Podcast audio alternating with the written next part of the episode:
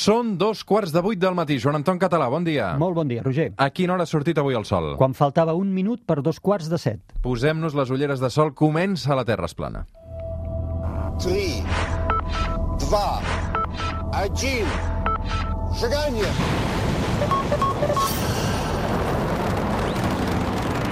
One small step for man, one giant leap for mankind.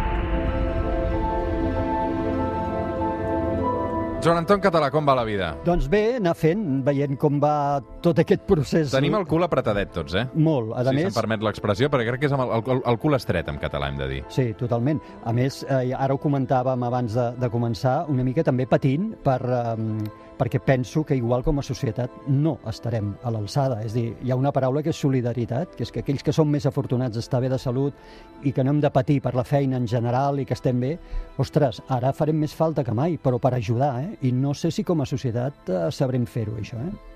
És a dir, no ho saps? No. Creus que no ho farem? Tinc dubtes i, per exemple, doncs, tinc dubtes que les grans corporacions i que... En, en general no només vull parlar de l'entorn empresarial, de tota la societat i tot l'entorn econòmic eh, faci això que anomenem solidaritat que mai no hem sabut fer i ara eh, és que ara tocarà. És a dir, segurament amb tota crisi hi ha qui li toca la loteria, no? Com, per exemple, eh, una empresa que es dedicava a fer les cintes que recullen les mascaretes o gels que facturaven el que facturaven, no? Efectivament. Um, i, I tu què penses? De, de tots aquests que els hi ha tocat la loteria, A veure, jo primer, res a dir des del punt de vista que ningú ha buscat aquesta situació. Vull dir, ells feien un producte que resulta que el mercat en aquest moment eh, el demanda. Per tant, res a dir des d'aquest punt de vista. La qüestió seria, amb totes les empreses que estan fent diners eh, en aquest moment, eh, estaria bé que demostressin també que retornessin una mica aquesta, aquesta, bueno, aquests diners, part d'aquests beneficis a la societat i a altres eh, entorns o col·lectius més desfavorits que ho necessitaran. Llavors, com sempre, aquí tinc dubtes, és a dir, no només es tracta de guanyar, no, no juguem sempre a guanyar, que els humans acostumem a, guany, a sempre a, a guanyar, no? i a vegades no, no has de guanyar tant, només que guanyis una miqueta menys, però en aquesta miqueta que tu deixes de guanyar molta gent pot menjar o molta gent es pot recuperar. Però és que això no ho hem sabut fer, s'està morint gent al Mediterrani, intentant Sí, sí. creuar això abans del coronavirus. Vull dir, no hem sabut jugar a la solidaritat, doncs ara pff, jo, moltes esperances no en tinc. Eh? Mm. Joan Anton, com que tu i jo el planeta Terra no l'arreglarem, eh, i menys a aquesta hora del diumenge a l'hora que surt el sol, et proposo sortir, mirar una mica més enllà. Quasi millor. Marxar. I, de fet, avui parlarem de mar. Eh, de mar te'n parlem tot sovint, però és que aquesta setmana torna a ser d'actualitat, perquè s'enlairaran tres nous robots cap al planeta Mar. Així que avui amb el Joan Anton Català repassarem quines missions són, quan i com arribaran fins al nostre veí planetari.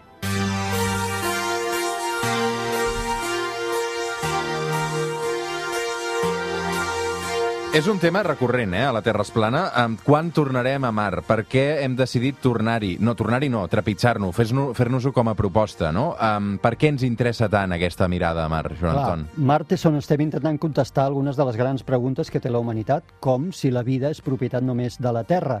I ara, notícia, no? és el que tu ara comentaves, perquè cada dos anys i dos mesos Mart i la Terra se situen a una distància mínima entre ells. Mínima vol dir a prop dels 60 milions de quilòmetres, que sembla molt, però amb la tecnologia que tenim, aquests 60 milions de quilòmetres els fem en 7 mesos. El viatge és relativament curt. Per això sortim, totes les missions normalment s'empaqueten, dels països que les volen enviar, s'empaqueten en una finestra temporal molt curta, que és aquest juliol i la primera setmana d'agost, que és quan enganxem a Mart en aquesta distància curta. Aquest és un d'aquells anys on Mart i Terra estaran separats només per 60 milions de quilòmetres. Perquè et facis una idea, quan estan més separats són 400 milions de quilòmetres. Hi ha moltíssima diferència entre la distància Mart i Terra cada dos anys i dos mesos. I per això aprofitem ara. Eh? I ara enviem doncs, tres països, els americans, la Xina i els Emirats Àrabs, doncs envien en les properes dies, setmanes, missions cap a Mart. Què hi tenim a Mart ara mateix? A Mart hi tenim moltes coses. De fet, és el, el planeta, fora de la Terra, lògicament, més visitat. Hi tenim... Més habitat, eh? Més habi- habitat és un misteri. Per No. robots, segur. Exacte, molt bé. És l'únic planeta que coneixem habitat només per robots, de moment, de moment. Llavors, hi tenim sis satèl·lits en marxa, és a dir, sis satèl·lits orbitant Mart, tres són de la NASA, dos són europeus i un és de la Índia. Llavors, a la superfície hi tenim un robot viu, que és l'únic robot que queda, que és de la NASA, que es diu Curiosity, que és una bèstia que va arribar, que pesa 900 quilos, que va arribar el 2012 i que ens ha fet uns descobriments increïble. I també hi tenim una altra sonda de la NASA, que no li dic robot perquè és immòbil, que és la InSight, que ja n'hem parlat també en aquí al programa, que va arribar el 2018 i aquesta sonda, la seva missió és estudiar l'interior del planeta i ens ha enviat, doncs, per exemple, el, el registre dels terratrèmols a Mart o fins i tot el so del vent marcià. Uh -huh. uh, arribar a Mar, en principi, és fàcil, uh, per aterrar, aterraria és una altra història, no? Dificilíssim. Per què? Per què costa d'anar a aterrar a Mar? Perquè, mira, primera, eh, té atmosfera, la qual cosa dius, ah, que bé, té atmosfera, però la té molt feble, i això és el que ens complica. La té massa feble com per poder fer que un paracaigudes funcioni ell sol, perquè és massa feble, i el fet de que tingui atmosfera, a més, ens complica per la fricció, l'escalfament. Si no tingués atmosfera seria més fàcil, com la Lluna, molt més fàcil. I si tingués atmosfera, però molt densa, com la de la Terra, seria molt fàcil, però està entremig. Això vol dir que necessitem un, un seguit d'elements com un escut tèrmic, paracaigudes, motors o altres dispositius que ajudin en aquests uh, paracaigudes i, per exemple, la NASA se n'ha fet un far d'inventar formes divertidíssimes de fer aterrar els robots en allà, com, per exemple, fent-los rebotar amb coixins, amb airbags, descontroladament 25 o 26 rebots descontrolat. De debò, eh? De debò, de debò. Els robots a l'Spirit i a l'Opportunity, que es van enviar a l'any 2004, van aterrar rebotant sobre coixins d'aire. Així com a la Lluna tenim molt element um, com camina uh, per aquesta gravetat diferent, no? un astronauta que hi ha a Terra, uh, a Mar com caminaria un astronauta? Ho sabem? Sí, més o menys ho sabem. Uh, seria més àgilment que a la Lluna, perquè uh, a Mart hi ha una tercera part de la gravetat de la Terra. Seria canvi, càmera lenta, però no tan lenta. No tan lenta, ni molt menys, no tan lenta. Eh? Però sí que serien, ens hauríem d'acostumar en aquells moviments. L'avantatge és que podríem aixecar pesos superiors, eh? tres, vega tres cops superiors. Seríem més forçuts. Sí, exacte. Amb la força d'aquí i allà és tres cops, no? Et val tres cops.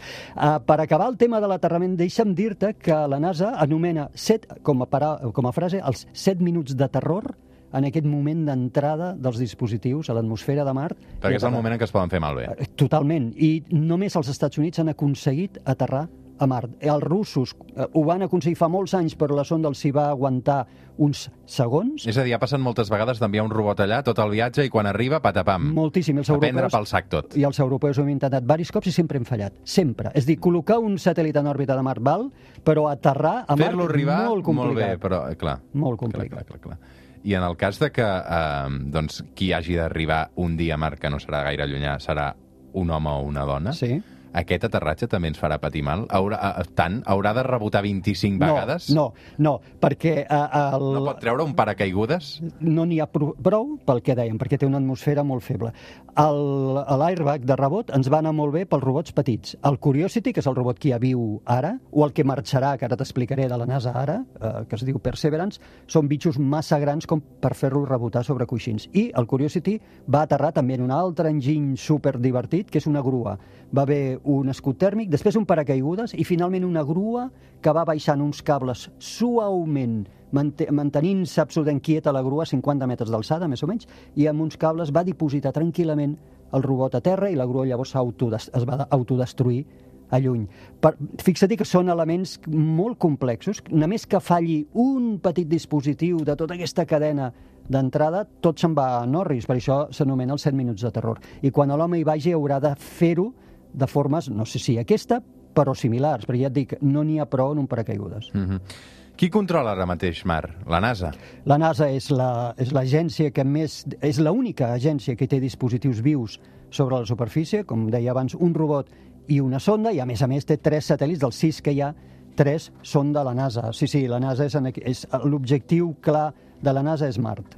Som al suplement, som a Catalunya Ràdio, això és la Terra es plana, avui viatjant fins a Mart.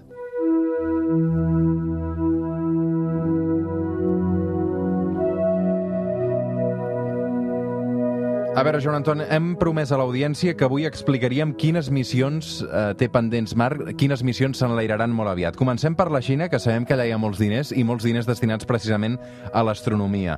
I enviarà eh, un robot que es diu Tian Wen Wan Exacte. Tianwen-1. Exacte. Eh, la Xina, com deia Sara, és la segona agència espacial per pressupost del món, després de la NASA i per davant de la europea. La Xina té moltíssima experiència amb, per exemple, anar a la Lluna. En aquest moment hi tenen un parell de robots i un d'ells a la banda oculta de la Lluna. És l'únic país que ha fet aterrar un, un robot, un dispositiu, a la part oculta de la Lluna. I eh, ataquen Mart. I ataquen Mart com no ho ha fet cap altra nació abans, que és amb una triple missió. Aquesta missió són tres dispositius. Un satèl·lit, és dir, un orbitador que es quedarà orbitant Mart, un aterrador que aterrarà a Mart i un robot que sortirà d'una rampa, d'una porteta i una rampa que s'obrirà de l'aterrador i que explorarà Mart. Per tant, la Xina ataca Mart per primer cop en una missió triple, cosa que no ha fet mai ningú al primer intent. Eh? Un satèl·lit, un aterrador i un robot. Mm. I com és aquest robot que envien? És un robot petitet, en sabem molt poc del que... També són poc transparents amb això, la Xina, eh? Res, res transparent, eh? Res transparent. Per exemple, els seus enlairaments eh, te n'assabentes després, normalment no els retransmeten mai És impossible allò de seguir un directe com hem fet altres vegades, eh? No, no, no, a veure si ho canvien això, eh? però de moment no ha estat possible. És un robot de 180 quilos, per tant similar en aquests més petits que la NASA va enviar, que t'explicava abans, que havien enviat el 2004, i eh, aquí la novetat és que porta un, un radar, que és capaç aquest radar de mirar sota terra, mirar sota terra i detectar aigua líquida sota terra. Tenim sospites de que Mart no només té aigua gelada, que això ho sabem, però tenim sospites de que hi pugui haver també eh, acumulacions d'aigua líquida sota terra. Aquest robot ens hauria de confirmar aquesta, aquesta existència de l'aigua líquida. A més, porta l'orbitador que quedarà eh, orbitant Mart, porta unes càmeres d'altíssima precisió que ens enviaran unes imatges absolutament espectaculars de Mart. Mm. Sabem on aterrarà? Sí, en un lloc on ja s'hi ha aterrat altres vegades, que es diu Utopia Planitia, que és una regió molt extensa i molt plana, com diu el nom, i aquí van aterrar, per exemple, les missions americanes dels anys 70, que es deien Viking, les més cares que s'han enviat mai, que eren dos bessons, dos naus viking, que, que en el seu disseny, per cert, hi, va, hi havia intervingut el Carl Sagan, i que van anar a buscar vida, eh? i això va passar als anys 70 i van aterrar allà. Per què servirà aquesta missió? Aquesta missió servirà perquè volem recollir mostres marcianes eh, per buscar vida. Eh? Llavors, eh, Però a veure, què vol dir mostres marcianes? Perquè teòricament de marcians no n'hi han. No, mostres marcianes vol dir de roques i d'elements de, de l'entorn eh, geològic de mar que pogués tenir senyals de vida actual o vida passada. I aquest és l'objectiu bàsic de les missions que ara s'enlairen, inclosa la xinesa. Hem arrencat per la Xina, continuem amb un altre lloc on hi ha diners, Emirats Àrabs. Els Emirats Àrabs també enviaran robots molt aviat a Mart, en aquest cas un que es diu Hope. Sí, no és exactament un robot, és un satèl·lit. És dir, els, els Emirats Àrabs és la seva primera missió ever, és dir, mai han enviat cap missió a l'espai i... No Directament comencen per mar, eh? exacte. Res de la Lluna, No. res de l'Estació Espacial Internacional... Res, allà hi han tingut un astronauta a l'estació, però ells diuen, va, anem directe, va, per què fer una parada a la Lluna? Si la Lluna ha total... I van a Mart, és la seva primera, és un enlairador, perdó, és un satèl·lit que quedarà en òrbita de Mart i és un exemple de col·laboració internacional perquè els Emirats Àrabs són els que gestionen, són els propietaris de la missió, però l'enlairarà un coet japonès i hi han treballat molts científics de moltes nacions, inclosos científics americans.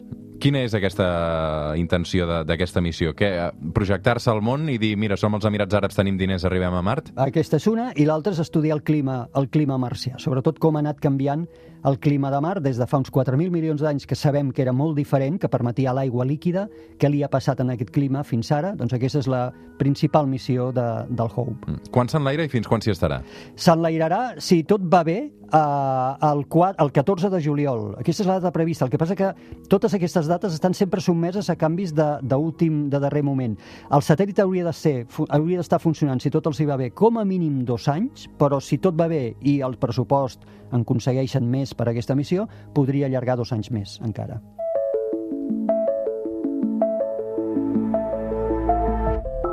I ara entrem de ple amb les missions que té pendent als Estats Units, no, Joan Anton? Sí, aquí ve la gran missió, que també s'enlairarà properament, cap a Mart, que és un robot que es diu Perseverance, que eh, és un robot gran com el Curiosity, estem parlant d'una màquina d'una tona aproximadament de pes, que aterrarà igual com et deia que havia fet el Curiosity amb una grua, és a dir, paracaigudes grua i dipositat tranquil·lament, si tot va bé, a la superfície de Mart. És un robot amb sis rodes, molt semblant al Curiosity, bateria de plutoni que es fabrica a la seva pròpia energia, un làser capaç de vaporitzar roques a 7 metres de distància, un trapant, càmeres, fins i tot porta un microscopi en el seu braç articulat, a l'extrem del seu braç, un microscopi capaç de veure el detall de roques. Eh, Això en busca, busquem vida, eh? busquem o vida actual o restes de vida passada que poguessin haver deixat el seu senyal a les roques. Porta micròfons també per enregistrar el so a Mart. Bueno, és un Porta robot un helicòpter, també, no? i porta un, helico- un helicòpter molt bé que es diu Ingenuity.